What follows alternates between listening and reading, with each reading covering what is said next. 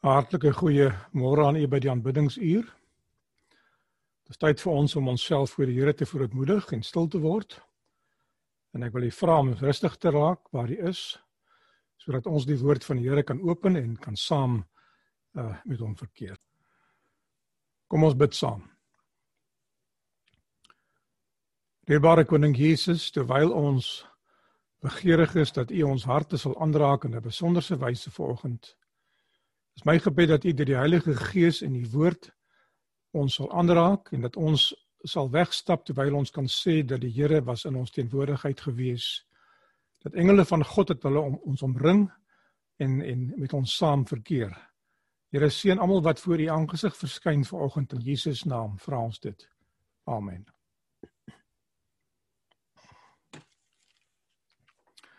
Die teks kom uit 1 Samuel hoofstuk 10 van vers 1 en vers 9 en ek lees vir u.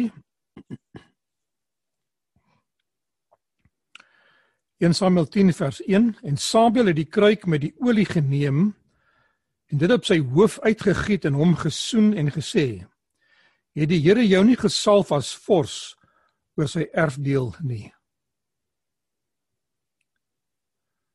Salwing was 'n mate van voorbereiding geweest Dit is 'n vorm van eerbied gewees volgens Lukas 7 vers 46 en Johannes 11 vers 2. Dit was die voorbereiding van sosiale geleenthede in Rit 3 vers 3 en dit was 'n spesiale taak gewees wat deur die priesters van die Here gedoen was om mense as konings op sy te sit om die volk te dien. Vers 9 sê En toe hy sy skouer draai om van Samuel af weg te gaan, het God sy hart verander. En al hierdie tekens het op die dag uitgekom. As jy wil gaan verder lees oor die verandering van die hart, kan jy Jesegiel 11 vers 19 lees uh aan die eie tyd. Mag die Here vir u seën.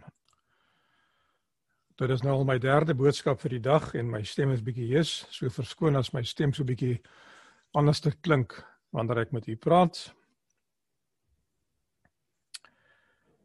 Die agtergrond van hierdie verhaal is die slaaf het vooruitgeloop en Samuel het 'n kruik olie gevat en dit oor Saul se kop uitgegiet en hom gesoen en gesê Die Here het jou tot regerder oor sy besittings gesalf. 'n Seremoniele seremonie wat Saul nie verwag het nie. Saul het gegaan om sy pa se donkies te soek en die geleentheid wat hy glo die Here nie veroorsaak het nie, maar toegelaat het dat Saul se donkies weggeraak om vir uh, of of 'n uh, kus sy vader se donkies weggeraak sodat Saul kan gaan om hierdie donkies te gaan soek en die diensknegt wat saam gaan is nogal merkwaardig. Ek lei af in die verhaal dat Saul 'n introwert was en dat hy nie koningseienskappe gehad het volgens mense standaard nie. Die die meeste besluite wat gemaak word word deur die diensknegt voorgestel. En hy neem half die leiding om vir Saul rigting te gee, lyk vir my. En Saul gaan deur 'n ervaring wat hom, wil ek nou al vir u sê, geskik maak om 'n koning te wees op 'n bonatuurlike wyse want die Bybel sê Net toe hy omdraai om van Saul af weg te gaan, het God Saul se gesindheid verander. Hierdie is 'n ander vertaling wat ek nou aanhaal. Die ander het gesê God het sy hart verander. Het die Here vir u bonatuurlik op 'n weg geplaas wat u nie deur menslike ervaring, deur u temperament, deur u persoonlikheid self bewerkstellig het nie. Ons praat hier van een van die gawes van die Gees en ons praat van die leerskool van die lewe waar koning Dawid opgelei was in die skool van die lewe.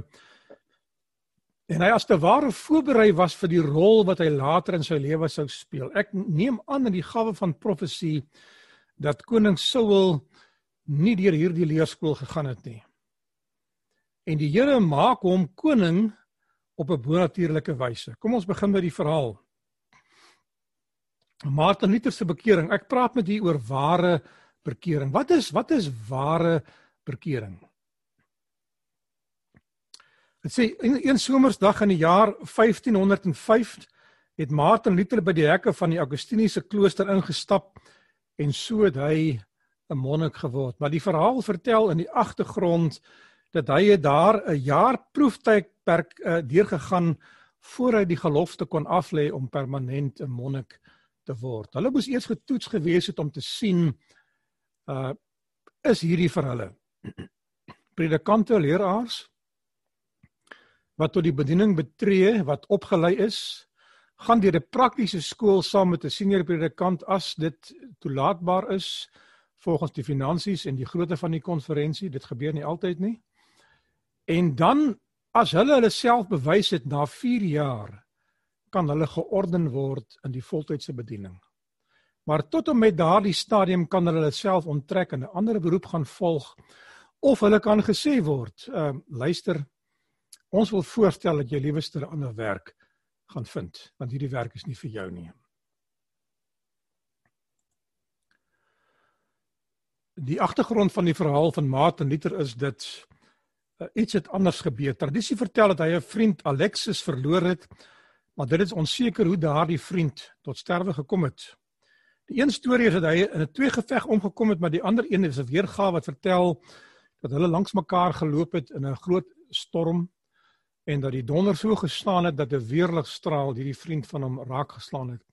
En dat Martin Luther se se eerste keuse was daarvandaan reguit klooster toe om homself te onttrek van die prokureurskool waarin hy was.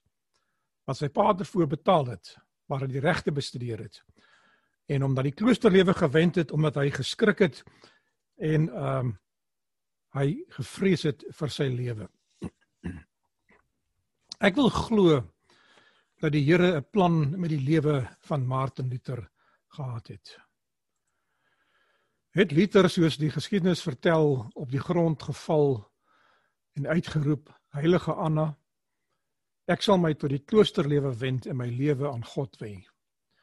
Of het die Here hom soontoe gedryf? Op 16 Julie het hy sy sosiale vriende om die om 'n vergader en hulle meegedeel van sy voorneme om 'n priester van die Here te word. Hulle het hom te vergeet probeer ooreed om dit nie te doen nie. En ons lei uit die verhaal uit af dat sy vader het hom baie teëgestaan en was baie ongelukkig dat hy homself so kon verneder om hierdie la lewe van 'n monnik uh uh te word wat geloop en bedel het en wat 'n lewe van niks doen en leeg lê gehandhaaf het in die kloosterlewe. Luther het self verklaar die besluit om 'n monnik te word was op my afgedwing deur my geweldige vrees vir die dood en vir die oordeel en dit is blykbaar werklik so dat Luther het 'n verskriklike vrees vir die dood en vir die oordeel gehad en daarom het hy homself met alle mag toegewy aan die katolieke leer wat geglo het dat 'n mens kan iets doen om jou gunstig by God te maak. Hy was 'n Christen toe hy monnik geword het, Dus was dit nie 'n bekering gewees wat hy ervaar het volgens ons definisie nie. Maar in die klooster het hy gesterwe of gestrewe na hervorming, na heiligmaking en na die guns van God. Ek het verskeie verhale gelees en ook later in my lewe eh, geskiedenisboeke bestudeer van die kloosterlewe en die die rotines waardeur die monnike gegaan het van selfkastyding, van selfontlediging, van selfvernedering en waar hulle self en die wêreld moes vaarwel toeroep. Hy het homself byna vernietig in hierdie selfkastyding sê die geskiedenis. En in sy strewe om te sterwe vir die wêreld en as 'n monnik het hy totaal homself afgesonder van die wêreld af. Hulle het gelewe van almoses en hulle self moes insamel in die vallei in die dorpies. Hulle was gebind deur 'n gelofte om celibaat, met ander woorde sonder 'n huweliksmaat te wees en om in armoede te bly solank as hulle gelewe het, sodat die eie ek nie te groot geword het nie en daardie eer van mense nie hoogety sou vier in sy lewe nie. Ek het al in my lewe 'n paar keer in my bediening te doen gehad met leraars van van hierdie gelowe wat priesters is. En ek het die armoede gesien waarin hulle gelewe het. Ons kla baie keer oor ons uh, klein salarisies en ander dinge wat ons nie het nie wat die wêreld miskien teenoor ons het. Maar ek wil vir julle sê dat dat dat dat van hierdie manne wat ek geken het was ware kinders van die Here. En as u die eenvoudigheid van die kamertjie sien waarin hulle gebly het met 'n enkele bed, 'n tafel, 'n plek waar hy kon skryf in 'n Bybel. En dit was die slotsom van hulle aardse besittings met die klere wat hulle gedra het. Met 'n karige lewensonderhoud wat hulle in lewe gehou het. En dit is werklike opoffering vir die werk van die Here. Dit is die tipe van lewe wat Martin Luther gekies het teenoor die lewe wat hy sou gehad het as hy die beroep gevolg het wat sy vader vir hom gereël het en voorbetaal het. hy het gereeld sy sondes aan die priester bely. Hy het streng selfdissipline in sy lewe toegepas. Hy het gereeld gebid. Hy het vastye gehad, hy het nagwake gehad, hy het selfkastyding gehad en hierdie dinge was aan die orde van die dag. En u kan vir jouself net indink watter geweldige impak dit gehad het op sy persoonlike lewe. Sy tweede bekering het gekom toe hy 'n Katoliek geword het uh, of van die Katolieke geloof na die Protestantse geloof oorgestap het en Rome vaarwel toegeroep het. En hy het begin om te proteseer teen die gebruike van die Romeinse kerk en hy het veral die leerstelling van regverdigmaking deur geloof aangegryp. Uh die verhaal van Luther vertel vir ons dat hy eendag in 'n klooster uh 'n werklike Bybel teëgekom het. Nie net afskrifte nie. 'n Bybel wat vasgeketting was aan die muur en daar het hy gelees. En hy het gelees dat die regverdige sal deur geloof lewe. En eendag terwyl hy daar op sy knieë dit daar die trappe opgeklim het en op elke trap 'n gebed gedoen het vir die boetedoening van sy sonde, het dit tot hom deurgedring in sy verstand dat die regverdige sal deur geloof lewe, nie deur werke nie. En hy het opgestaan en hy het daar die Katolieke geloof vaarwel toe geroep en begin om uh die protestantse beweging aan die gang te sit soos die Here vir hom ek glo gelei het. Ek noem dit sy tweede bekering. Met ander woorde die wegstap van 'n spesifieke geloof van dwaalleer na 'n geloof van vryheid en van waarheid waar hy regverdigmaking aangeneem het in op sy manier. Sy biegvader het eendag aan hom gesê: "Jy is 'n dwaaslieter.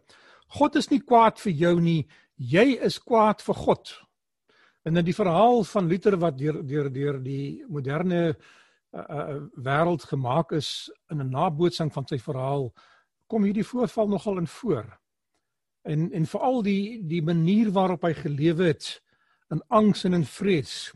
Staalvoets uh, wys Luther op God se liefde. Hy ontdek die boek Romeine en aanvaar die geregtigheid van Christus wat mense vrymaak van sonde. En toe vir 'n derde keer kom Luther tot bekering waar hy sy hart aan die Here oorgee op die regte wyse. Geliefdes, my vraag vir u is wat is bekering? Het u al bekering ervaar? Het u miskien daaraan gedink om vir 'n tweede keer of 'n derde keer deur bekering te gaan?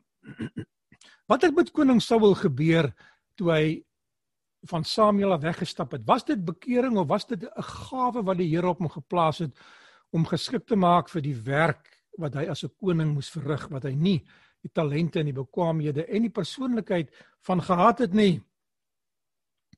Wat beteken dit as die Here jou gesindheid verander? Nou ek het gaan kyk na die na die Hebreëse en Griekse tale van die woord bekering en die woord van berou en en Engelse repentance.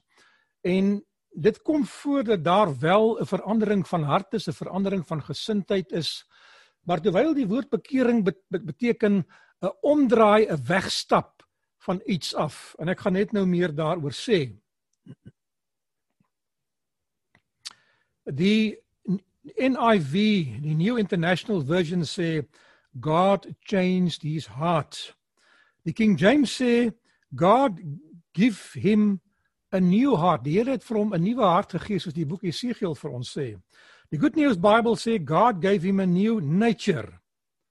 Die Hebreëse teks bevat wat die volgende gedagte is: 'n verandering van iets wat reeds bestaan deur dit omver te werp of te hernuwe.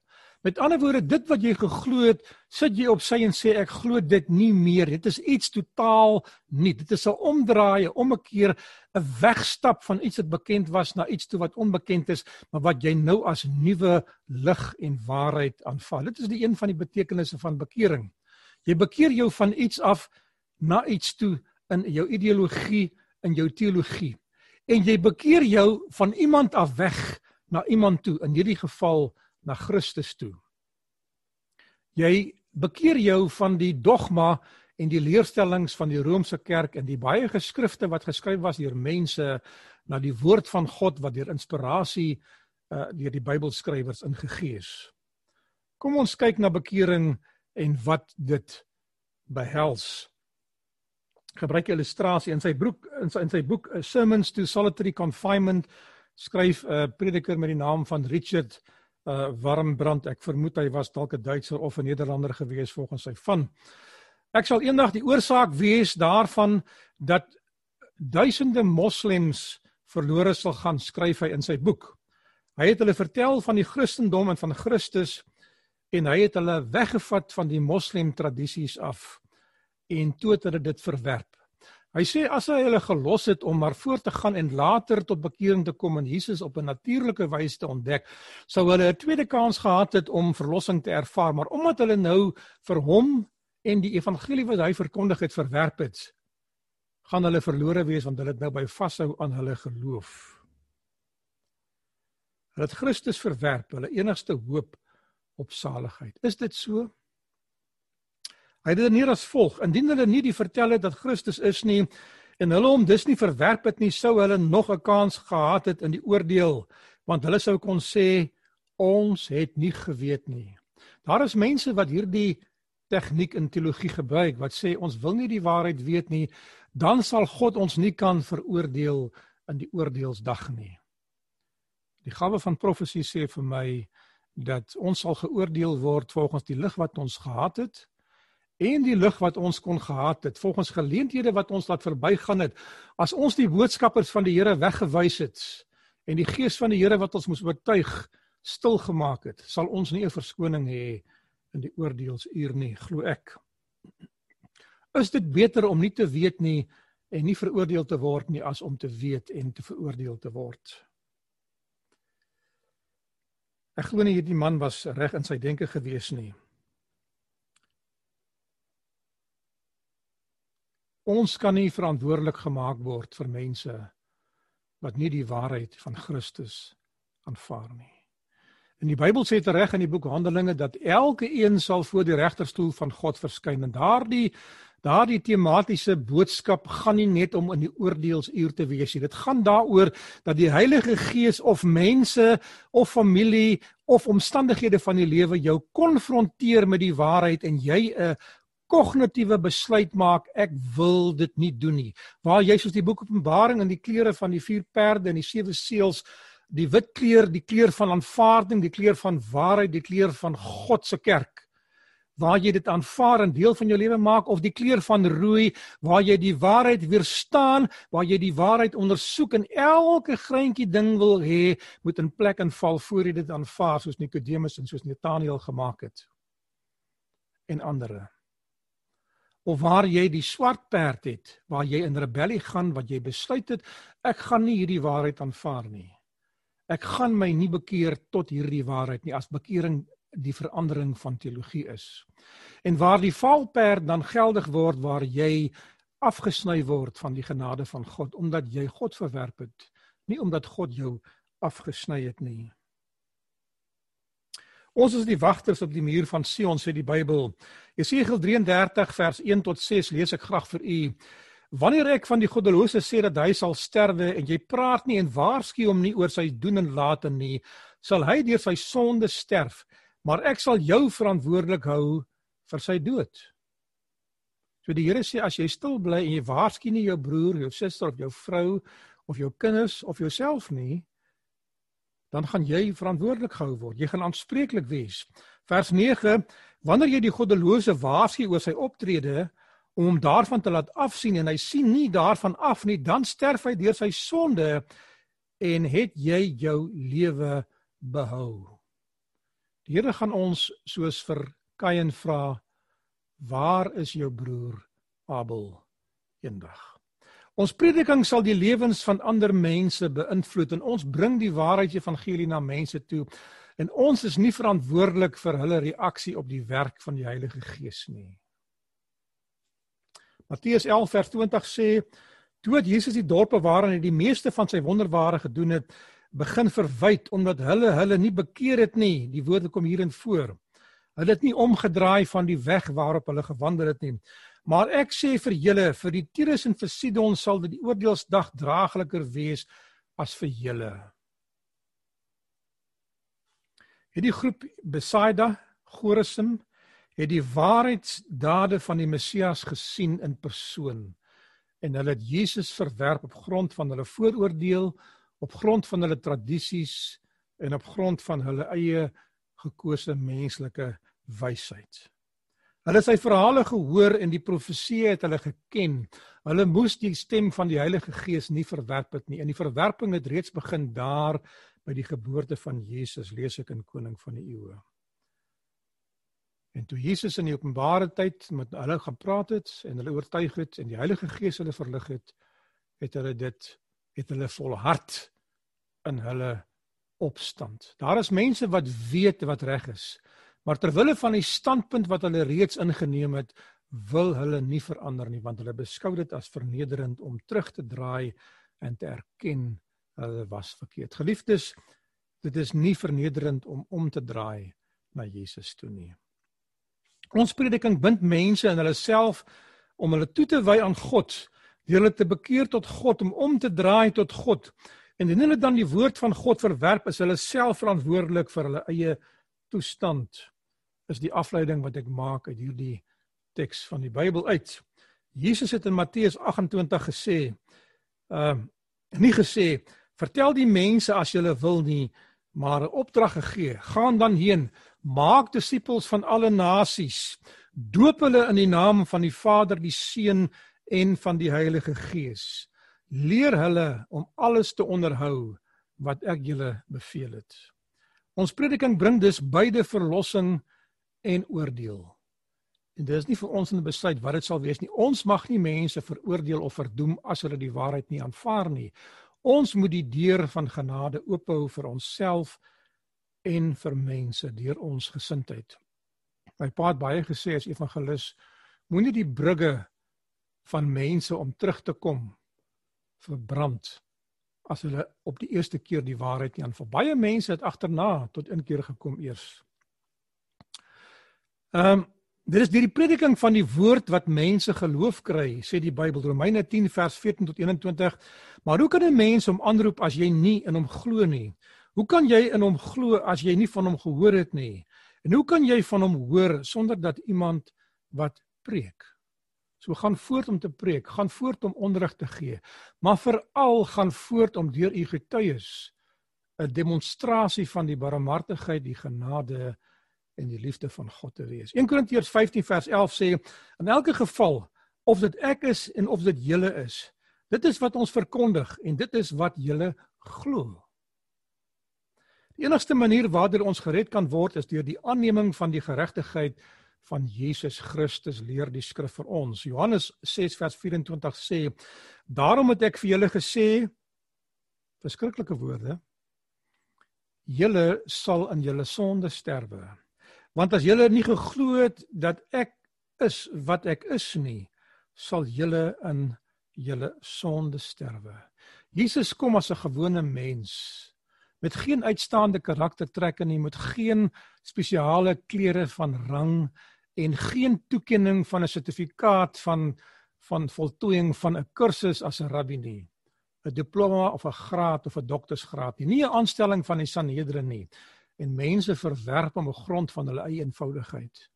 En hulle het nie besef dat as hulle hom verwerp, gaan hulle die ewige lewe nie ingaan nie. Jesegiel 33 vers 11 Ek sê vir hulle, so seker as ek leef, sê die Here my God, Ek wil nie hê dat die sondaar moet deur sy sonde sterf nie. Ek wil hê hy moet van sy sy optrede afsien en lewe. En nou sê dit weer: Bekeer julle, bekeer julle van julle bose optrede. Waarom wil julle sterwe? Wat is bekering? Kom ons kyk wat bekering nie is nie. Bekering is nie om van een geloof in hakkies 'n kerk oor te stap na 'n ander kerk toe nie. Ons beskryf dit as deel van die proses van bekering wanneer ons miskien dwaalleer soos ons oortuig is van gelos het en waarheid aanvaar het. Maar dit in homself is nie bekering, dit is 'n geloofs-oortuiging. John Henry Newman het in sy jong dae navorsing gedoen by die Universiteit van Oxford. Hy het die geskiedenis van die protestantisme nagevors, sê die geskiedenis vir ons. Hier het hy die ontstaan van die Katolieke Kerk ontdek en besluit om 'n Katoliek te word. Hy het hom bekeer tot die Katolieke geloof en 'n kardinaal geword. Nou, u gaan dit miskien vreemd vind dat ek nou vir hierdie voorbeeld gee dat 'n mens van die Christendom jou kan bekeer tot die heidendom in hierdie geval die anti-kris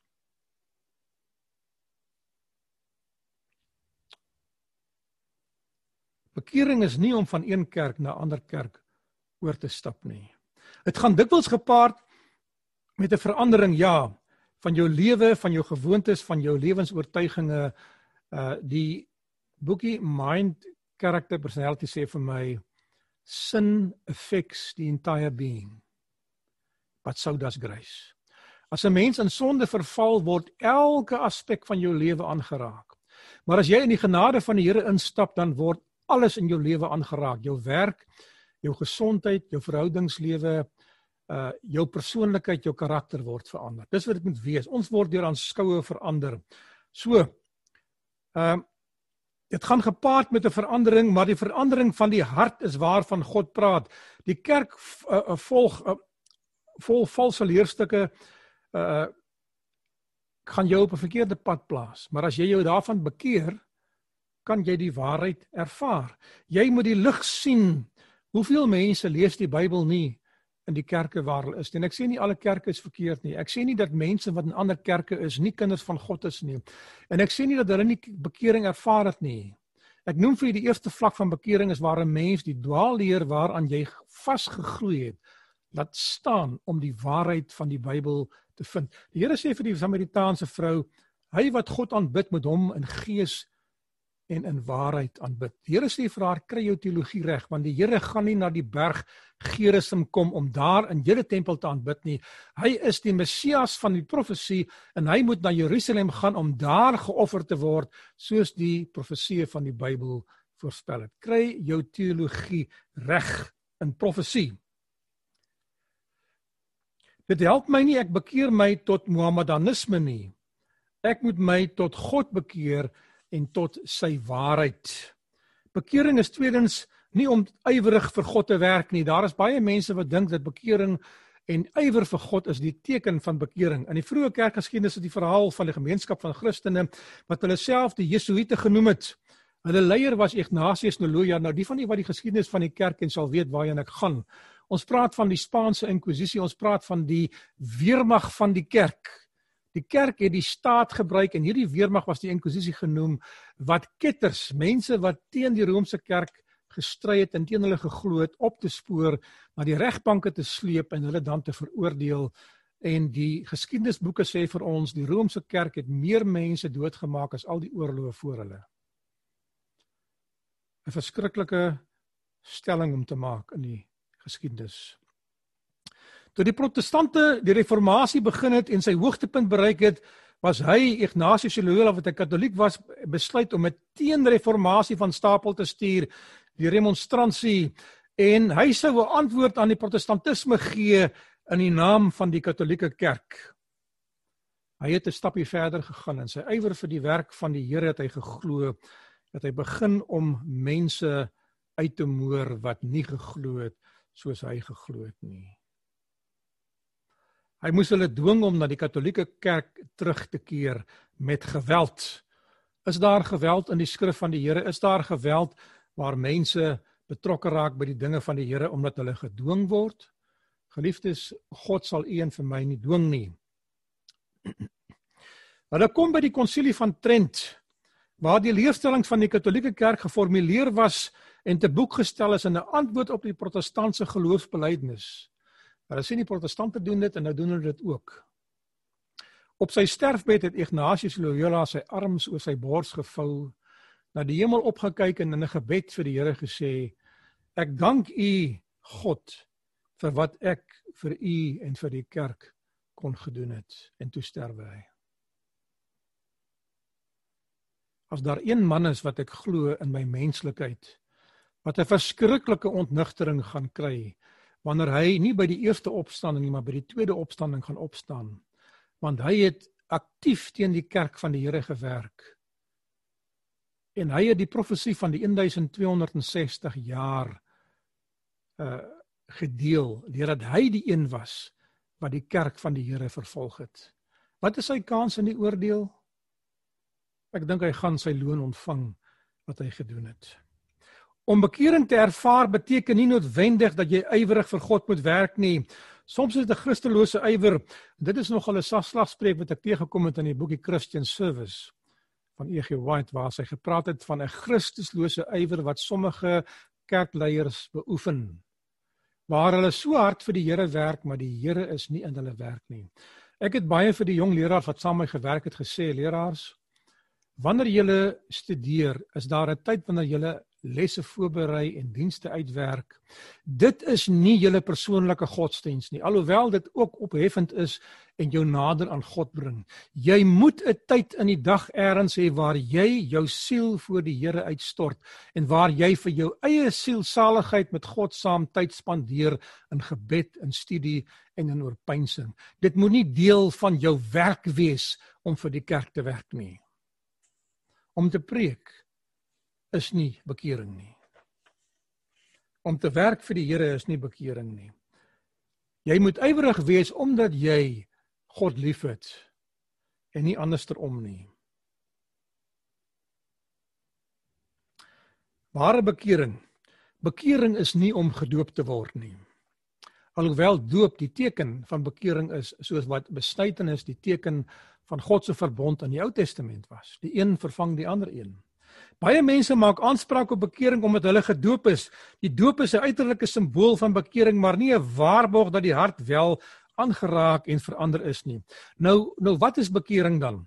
Bekering is 'n ervaring wat 'n mens deurgaan wanneer jy deur die soendood van Christus met God versoen word. Dit is jou jou natuur wat verander word. Bekering is wanneer die Heilige Gees jou menslike natuur beheer en oorheers en 'n goddelike natuur van jou besit neem waar jy deur 'n ondergeskikte menslike natuur nou die dinge van God begin doen. Die dinge wat onnatuurlik is. Die nuwe gebod waarvan Jesus gepraat het wat hy vir ons gegee het. Dit is die ommekeer wat jy in jou innerlike wese ervaar as gevolg van die werking van die Heilige Gees en dit sal sigbaar gemanifesteer word in 'n uiterlike vertoon van sekere dinge wat jy sal doen of nie meer sal doen nie. Innerlike geregtigheid getuig van uiterlike geregtigheid leer ek in die gawe van profesie. Die Griekse woord vir bekering, dit beteken letterlik om tot jou sinne te kom, om tot jouself te kom, tot inkeer te kom, om tot verhaal te kom, om jou oë moet oopgaan. Jou hart moet verander word. Die Bybel sê Paulus het iets gehad wat so skille van sy oë afgeval het. In die vertrek in die, in, in Johannes 21 sê Jesus En toe hulle nog steeds nie geglo het nie, het hy hulle oop oë geopen of hulle hart of hulle verstand geoopgemaak en toe verstaan hulle. Bekering is wanneer God se natuur in die mens natuur ontkiem en werksaam word en 'n vrug voortbring. Jy is vervreemd van jouself en van God. Jy is nie meer in die toestand wat Adam was nie. Jy is vervreemd van jou ware natuur deur sonde. Daarvan of daarna toe moet jy terugkeer. So jy moet jou bekeer van jou menslike natuur. Jy moet bestuur van jou lewe oorgee aan God wat dit aan die eerste plek moes gehad het. Ek het in 'n vorige studie vir julle gesê ek glo dat die mens nooit geskape was om onafhanklik van 'n mag van buite te werk nie. En daar is net twee magte wat op die mens inwerk. En ek praat nie van die godlonaars en die ateëste wat in die middel probeer staan en sê ek glo nie in Satan nie en ek glo nie in God nie. Die Bybel sê terloops Daar is nie twee Here nie. Jy sal of die een aanhang of jy sal die ander een verag. Jy kan nie God en Mammon dien nie. Jy moet kies. En op die lewenspad soos ons vorentoe gaan, sal elke mens wat met God en godsdienst te doen het, die plek bereik waar hulle nie sal kan aangaan tensy hulle hulle self volkome aan God oorgee nie. Jy kan nie 'n dubbele lewe tot die einde toe lewe nie. In die vorige les het ek vir u gesê dat die volheid van God sal tot jou tot 'n volheid bring en die volheid van die wêreld sal jou as jy daardie pad kies tot 'n volheid bring en jou pad gaan verdeel waar jy moet links of moet regs gaan. Jy sal nie beide kan volg tot die einde toe nie. Bekering is die plek waar jy afstap van die plek waar jy twee Here dien en een God begin dien en in hierdie geval die ware God. In die Griekse teks wat ek nie in hierdie les ingesit het nie, het ek my navorsing gekyk. Bekering het veral te doen met God, waar God die mens bekeer. Dit is die invloed van God. Die manier waarop 'n mens 'n terugkeer is om te draai, om weg van sonde af na God toe te draai. Dit is 'n besluit wat jy neem willens en wetens om jou rug te draai op iets wat jou fokuspunt is of iemand wat jou heil is soos Jesus Christus in Handelinge 4. Daar is geen ander naam in die hemel of op die aarde deur wie ons gered kan word behalwe Jesus Christus. Nee, ek parafraseer vir. Geliefdes, bekering uh, het baie gesigte, baie forme en baie maniere wat dit tot die gevalle mensdom kom. Kom ons kyk na twee stappe. Jy word versoen met God. Jy keer terug tot God. En die enigste manier waarop jy na God kan terugkeer is wanneer God jou natuur kan verander en jy wil om by God te wees. Toe Adam en Eva gesondig het, wat het hulle gemaak? Hulle het gaan wegkruip. Die mens wat sondig, voel nie genee om na God te gaan nie. God moet sy hart verander en hom terugbring. 2 Korintiërs 5 vers 17 tot 20 lees ek vir u. Iemand wat aan Christus behoort, is 'n nuwe mens. Een vertaling sê 'n nuwe skepping. Die ou is verby, die nuwe het gekom. Dit is alles die werk van God. Hy het ons deur Christus met homself versoen en aan ons die bediening van die versoening toevertrou. Die bediening van die versoening bestaan daaruit dat God deur Christus die wêreld met homself versoen het en die mensdom hulle veroordelinge nie toereken nie. Geliefdes, God neem die inisiatief. God stuur sy seun. God die seun sterf vir ons om die plek van sonde. God koop ons los van sonde. Hy maak ons vry van die mag van Farao en van Egipte. Hy maak ons vry van die mag van sonde. As God u nie losmaak van sonde nie, sal u nie tot bekering kan kom nie. Ek kan myself nie red nie, ek kan myself nie help nie. Ek kan nie eers berou bewerkstellig as die Heilige Gees dit nie in my hart bewerkstellig het nie. Sonde het ons van God vervreemd en Jesaja 59 sê dit het 'n skeidsmuur geword tussen ons en God. Dit verdring ons verstand. Dit bind ons met bande van staal aan die wêreld vas. Ons moet terugkeer na God toe. Ons moet voor die Here kniel en sê Here red my en dan sal die Here ons losmaak van die bande van Satan en van sonde. Ons het gesondig En daarom moet ons simbolies ons rug op sonde draai. Ons moet ons gesig wegdraai van sonde. 2 Korintiërs uh 2 Kronieke 33 vers 3 tot 12. Hiskia se seun Manasse het afvallig geword van die lewende God en hy was een van die volgens my die mees goddelose konings wat ooit gelewe het. Hy begin en maak 'n instelling van die songodsdiens en die aanbidding van die astrale godsdiens aan die sterrekunde en die sterrewiggelary en die spiritisme wat daarmee gepaard gaan en die onsedelikheid wat hulle in die tempels van Baal bedrywe het met die tempel prostituie en die beide mans en vrouens en die volk van die Here word afvallig van God af. Afvalligheid is die is die teenbeeld van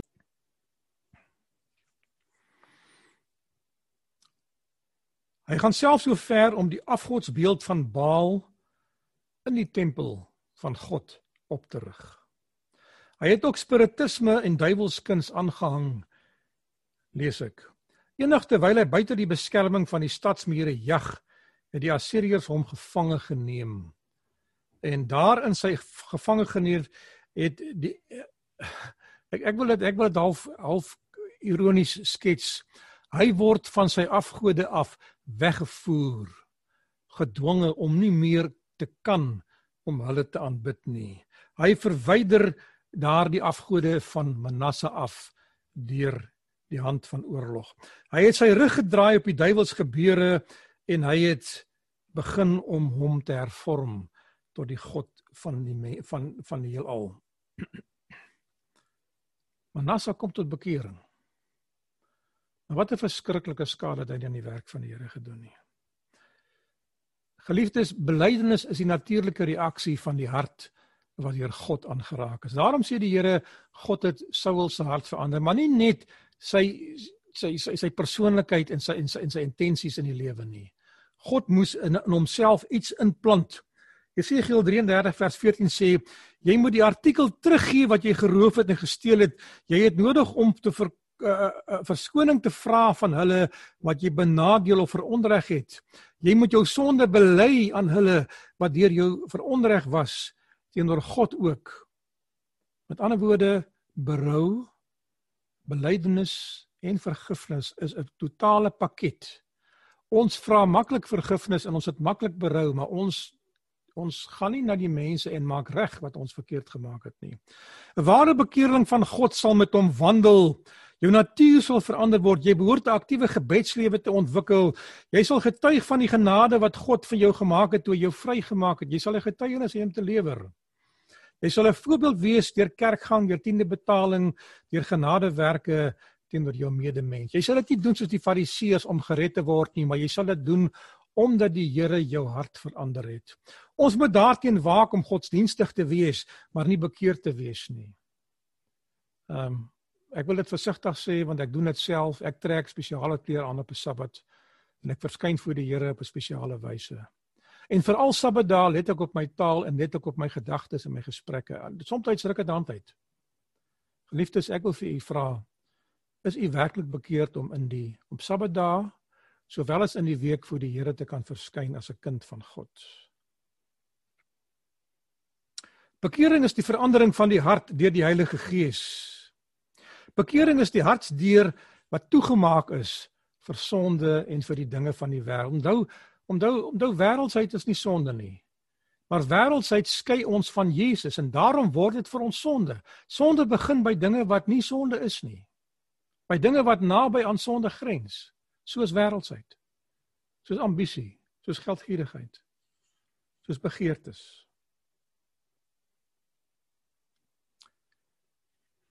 Die hart moet die werke van genade en liefde spontaan voortvloei. As Christus in die lewe is, wie sal deur jou mond praat?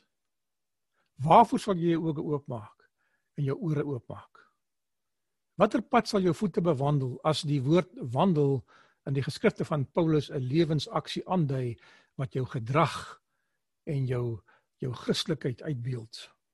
Daarom is ons nie bekeerd as ons net in 'n nuwe leefstelling aanhang nie. Ons is nie bekeerd wanneer ons na 'n nuwe kerk toe gaan en daar begin bywoon nie. Ons is nie bekeerd wanneer ons gedoop word uh in 'n nuwe waarheid nie. Ons is nie bekeerd wanneer ons 'n klomp nuwe dade doen en sekere dinge nie meer doen nie. Geliefdes, ons is bekeerd as God ons hart verander deur in ons hart die natuur van God te plaas wat sal groei en sal vrug dra. Liefde, blydskap, vrede, lankmoedigheid, vriendelikheid, goedheid, getrouheid en selfbeheersing. As ons ons rug op die wêreld gedraai het, as ons soos Jakob by die terpentynboom daar van Sichem die dinge wat ons saamgebring het van Laban se huis af, die afgodery en die baie juwele wat hulle aan wêreld gekoppel het, daar begrawe en die ou lewe van bedrog agter ons los. As ons ons sonde bely het en dat staan het, met ander woorde ons het die stappe van bekering gevolg met die Heilige Gees wat op ons hart geplaas het. As ons ons met Christus versoen het gemaak het deur gedoop te word in die verbondsteking van Christus aangevaar het en nou in ons karakters lewe om ander mense na Christus te lei deur sy lig wat uit ons lewens uitstraal. As ons lewens die vrugte van die Gees voortbring as 'n teken dat ons lewe finaal verander is.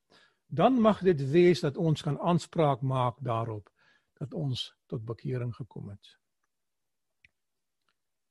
Ek sluit af. Jesus sê vir Petrus: Wanneer jy tot bekering gekom het, sal jy vir my 'n groot werk doen. Ek gebruik my eie woorde, die Here het nie presies dit vir hom gesê nie. Geliefdes, kan u net een keer tot bekering kom? Kan u twee keer tot bekering kom? Kan u vyf keer tot bekering kom? Ek wil vir u dit so stel in my ervaring, glo ek, dat ons behoort elke dag die geregtigheid van Jesus oor onsself te bid en tot bekering te kom. Bekering hoef nie eenmalig te wees nie. As u in 7 dae nie verander het in heiligmaking en karakterbou nie, dan is u geestelik dood. En die enigste wyse waarop u kan bly voortlewe as die saad van die ewige lewe in u hart geplant is. So bekering ten eerste vir my ten slotte is as ek die saad van die ewige lewe in my hart ontvang het en weggedraai het van die wêreld en van sonde af en nou in 'n rigting loop waar ek daagliks groei maar ek ek sondig nog steeds daarom moet ek daagliks die geregtigheid van Christus oor my lewe bid die woord in die Grieks strepo uh, praat van uh, om te draai na iets toe in 'n rigting na 'n doel toe na 'n persoon toe om weer te draai. Matteus 13 vers 15, Markus 4 vers 12, Lukas 22 vers 32. Tom tekste wat sê: "Geliefdes, u hoef nie net een keer te draai nie. As u 'n roete volg, gaan u 'n paar keer moet draai om uiteindelik te kom by Christus." So dikwels u agterkom dat die pad wat u gevat het nie meer reguit is nie, draai. Wat ek vir u sê. Die woord epistole die die die die die selfstandige naamwoord in Handelinge 15 vers 3 beteken om weg te draai van iets om te draai na iets toe. So jy draai weg van sonde en van die wêreld, maar jy draai na Christus toe soos 'n sonneblom na die son te draai in die somer of sekere tye in sy groei stadium. Die woord naham, repent in Engels beteken om jammer te wees, om berou te hê, om spyt te wees oor wat jy doen. Dit gaan gepaard met 'n emosie en daar's baie interessante dinge wat ek vir u kan vertel daarom. Die woord gaan verder voort om te praat dat ons moet wegdraai van die kwaad af na God toe. Dit is die konnotasie van die Bybel. Ons moet wegdraai na die weg van God se weg. Ons moet wegdraai na God se ideale, weg van ons afgode af. Ons moet 'n verbond van geloof maak tot die ewige lewe. 'n Nuwe skepping. Hebreërs 6 vers 6 moet ek vir u lees want u gaan my vra agterna daaroor. Ek kry baie navraag oor hierdie teks.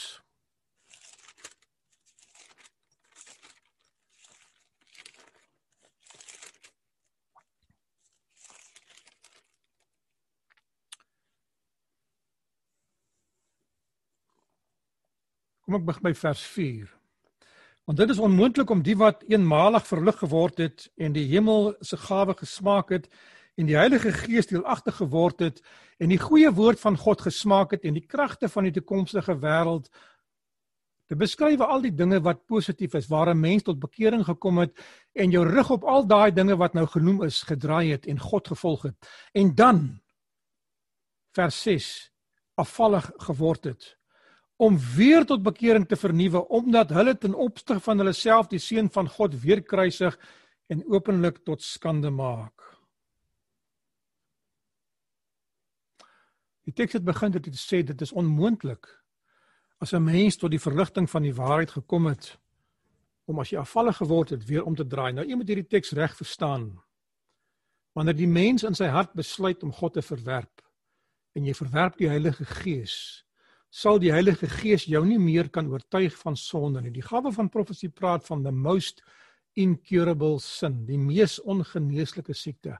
As jy die Gees van God verwerp het en jy die gees van dwaaling ontvang, soos die Bybel vir ons sê wat sal gebeur as jy die lig wat op jou pad skyn aanhoudend wegwys, dan gaan die gees van God van jou ontneem word en die gees van Satan, die gees van dwaaling sal aan jou gegee word om die leuen te glo en dan sal jy nie meer tot bekering kan kom nie. Ons lewe in die tyd waar hierdie voorspelling in die Bybel sal waar word. Dit is my gebed dat u hart nie sal verhard nie. sodat u die gees van God sal verwerp nie, maar dat u daagliks en so dikwels dit mag gebeur deur die gees van God oortuig mag wees en dan tot inkeer kom omdat u wil. Geliefdes, mag die Here vir u seën. Kom ons bid saam. Dierbare koning Jesus, ek wil my hart weer aan u gee vanoggend. En ek bid dat hulle wat liewe Here na hierdie boodskap luister of kyk om dit te ervaar werklik bekering sal sal ervaar op die tyd wat u dit sal goed dink. U het vir ons geleer in die boek Hebreërs dat daar is 'n spesiale tyd wanneer elke mens tot die kennis van die waarheid sal kom.